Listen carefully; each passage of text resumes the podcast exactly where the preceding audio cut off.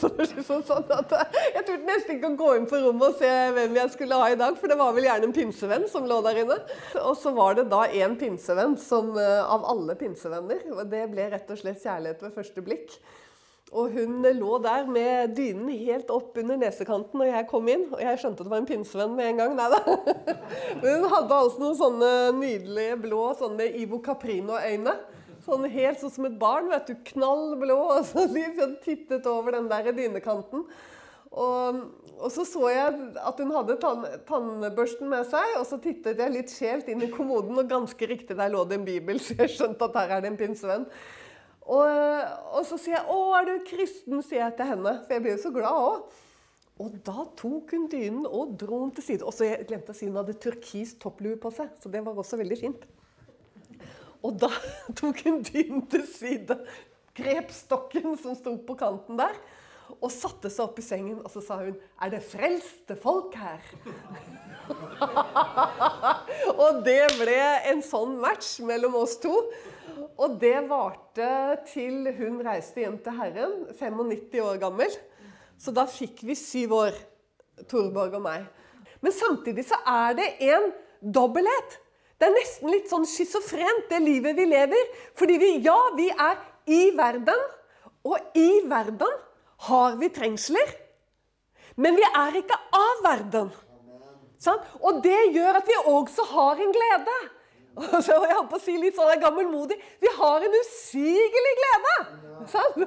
Fordi vi venter på det som skal komme. Og det var derfor jeg egentlig skulle begynne å snakke om Torborg. Altså Larsen, denne fantastiske pinsevennen på Ullevål sykehus.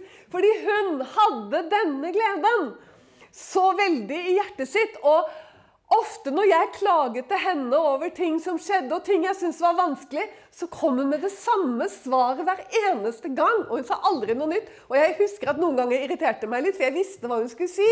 Og hun sa alltid bare Bare se på Jesus, Eva, sa hun. Det var liksom helt til det siste, vet du, med foldede hender. Og hun lå oppi dobbeltsengen sin der på denne hva skal du si, denne spinkle, lille ettroms omsorgsleiligheten sin. Vet Du du skulle bare ha truffet dette fantastiske mennesket. Hun hadde en rekke snorer oppi sengen sin. Og disse snorene var bundet til kasser som hadde hjul under sengen. Og når hun dro i den ene snoren, så for den ene kassen ut. Og, og hver lå sammenlappede ullsokker. Og i en annen snor hun dro i, så kom det ut kluter. Men det som var så skjønt, var at alt hun eide omtrent, var fra 1950-, 60- og 70-tallet. Og alt var lappet. Alt var sydd mange ganger. Men det var alltid rent. Og det var alltid brettekanter på absolutt alt hun hadde.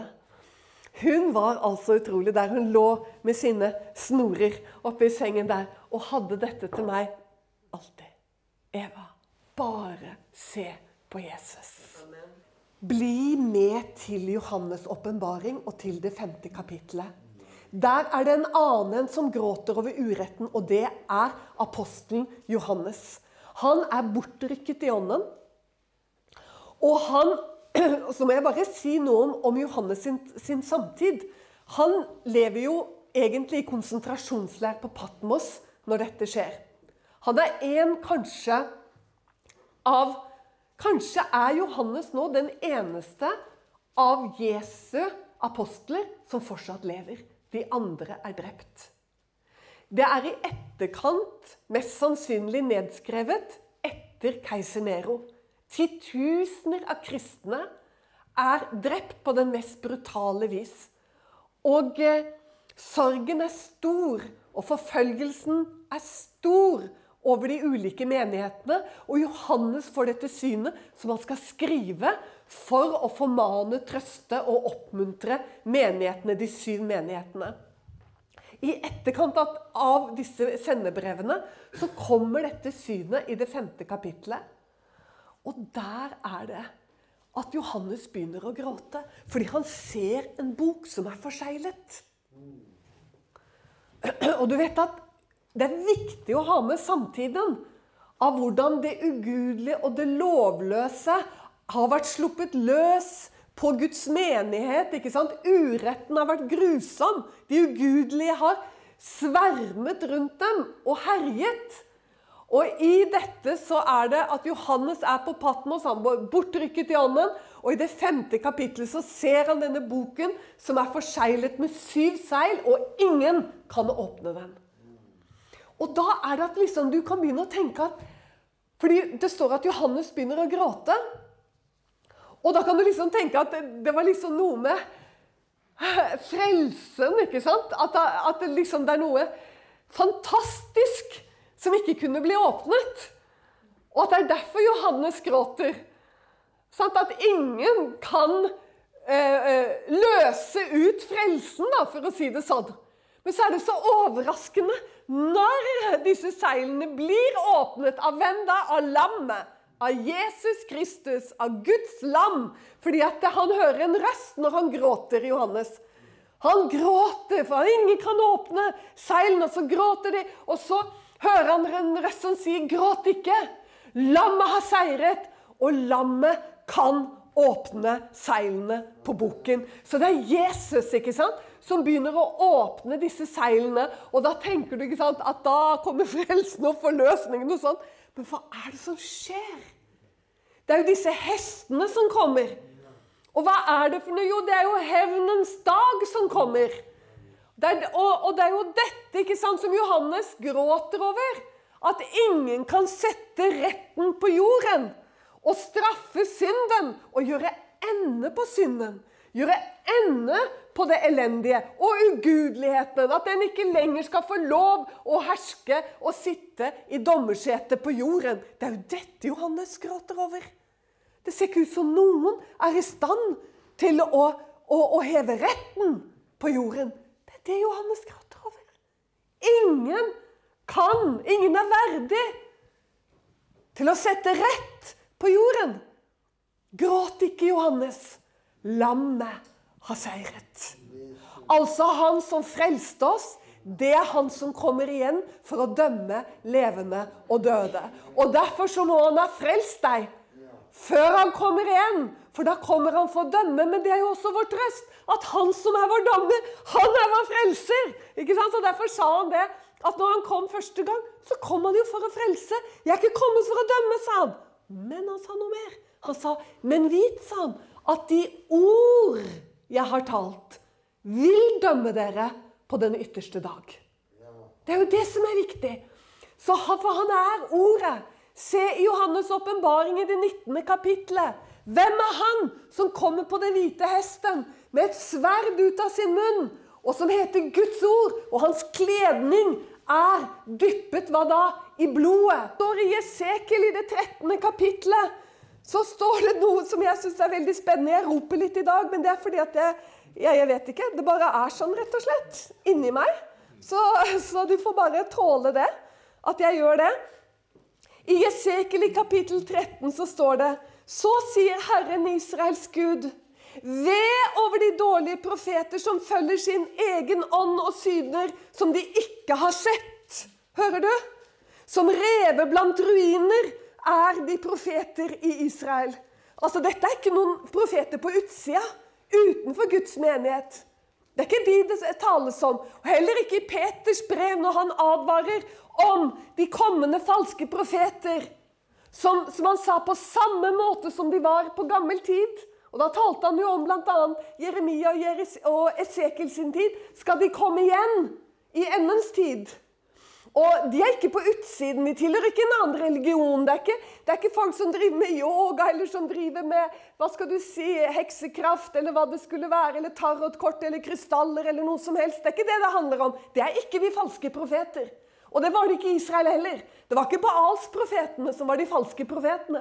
De falske profetene var inne i Israel. De var i Israels menighet, og det er de Jesekel snakker til. Og han sier som rever blant ruiner er dine profeter, Israel. Og hvorfor det? Så sier han fordi dere har ikke steget opp og inn i hva da? Murbruddene. Han sier at dere har ikke gått inn og reparert murene. Og sørget for altså Han snakker om at det er brudd i murene. Det er brudd i murene, så fiendene kan komme inn. Ser du bildet?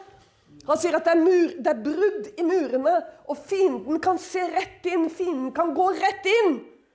Så sier han, dere falske profeter, dere har ikke steget inn i disse murbruddene og gjort noe med det.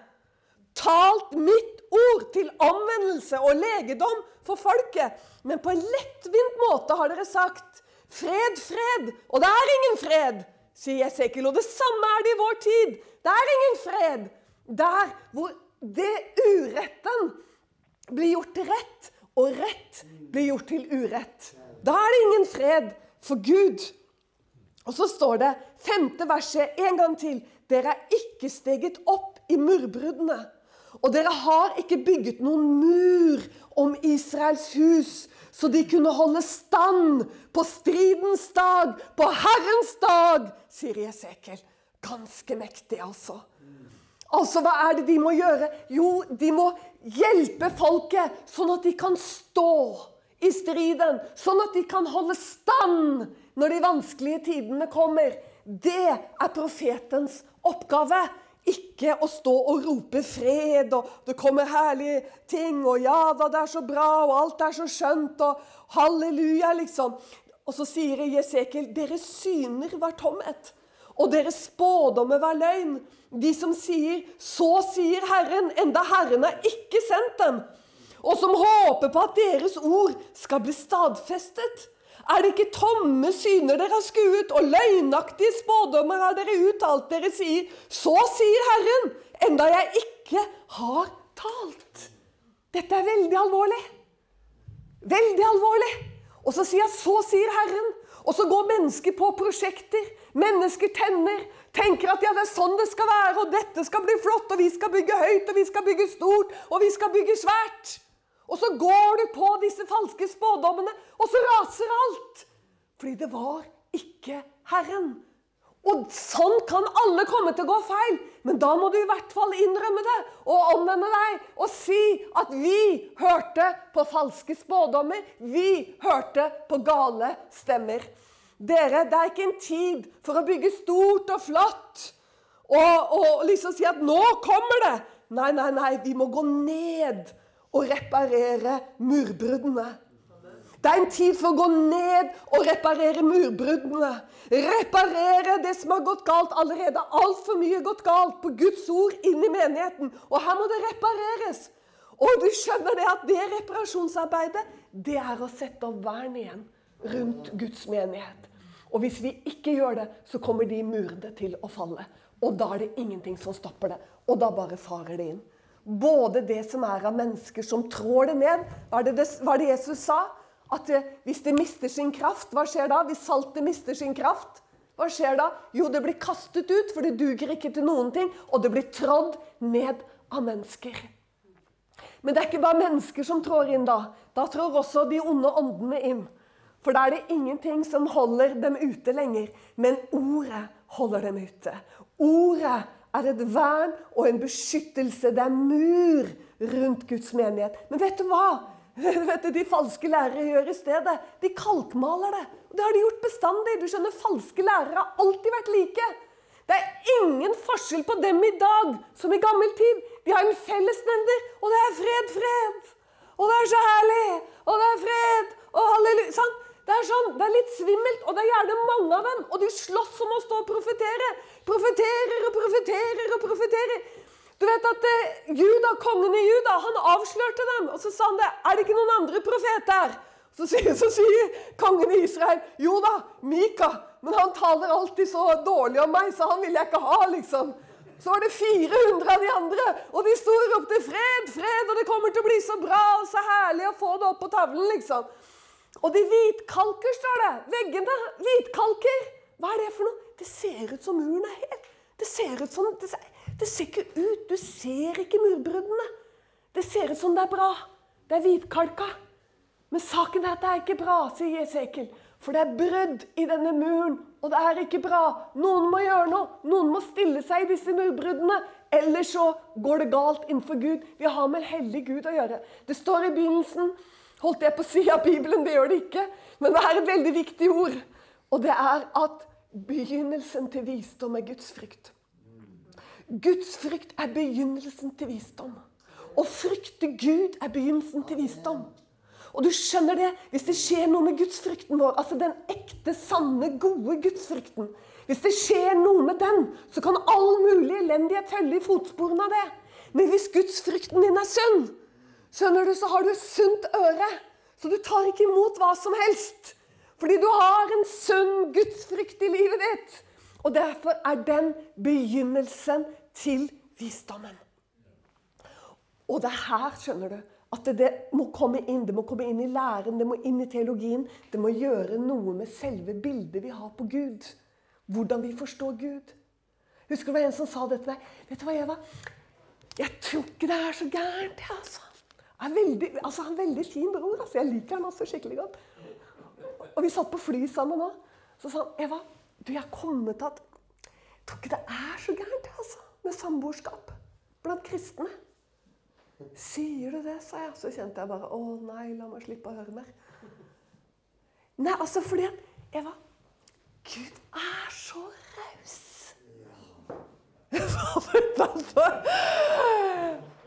Og hvem kan nekte på at Gud er raus, da? Jeg mener, jeg kan jo ikke det. Det går ikke an å nekte på det. Jeg har jo levd nå med han en god stund, da.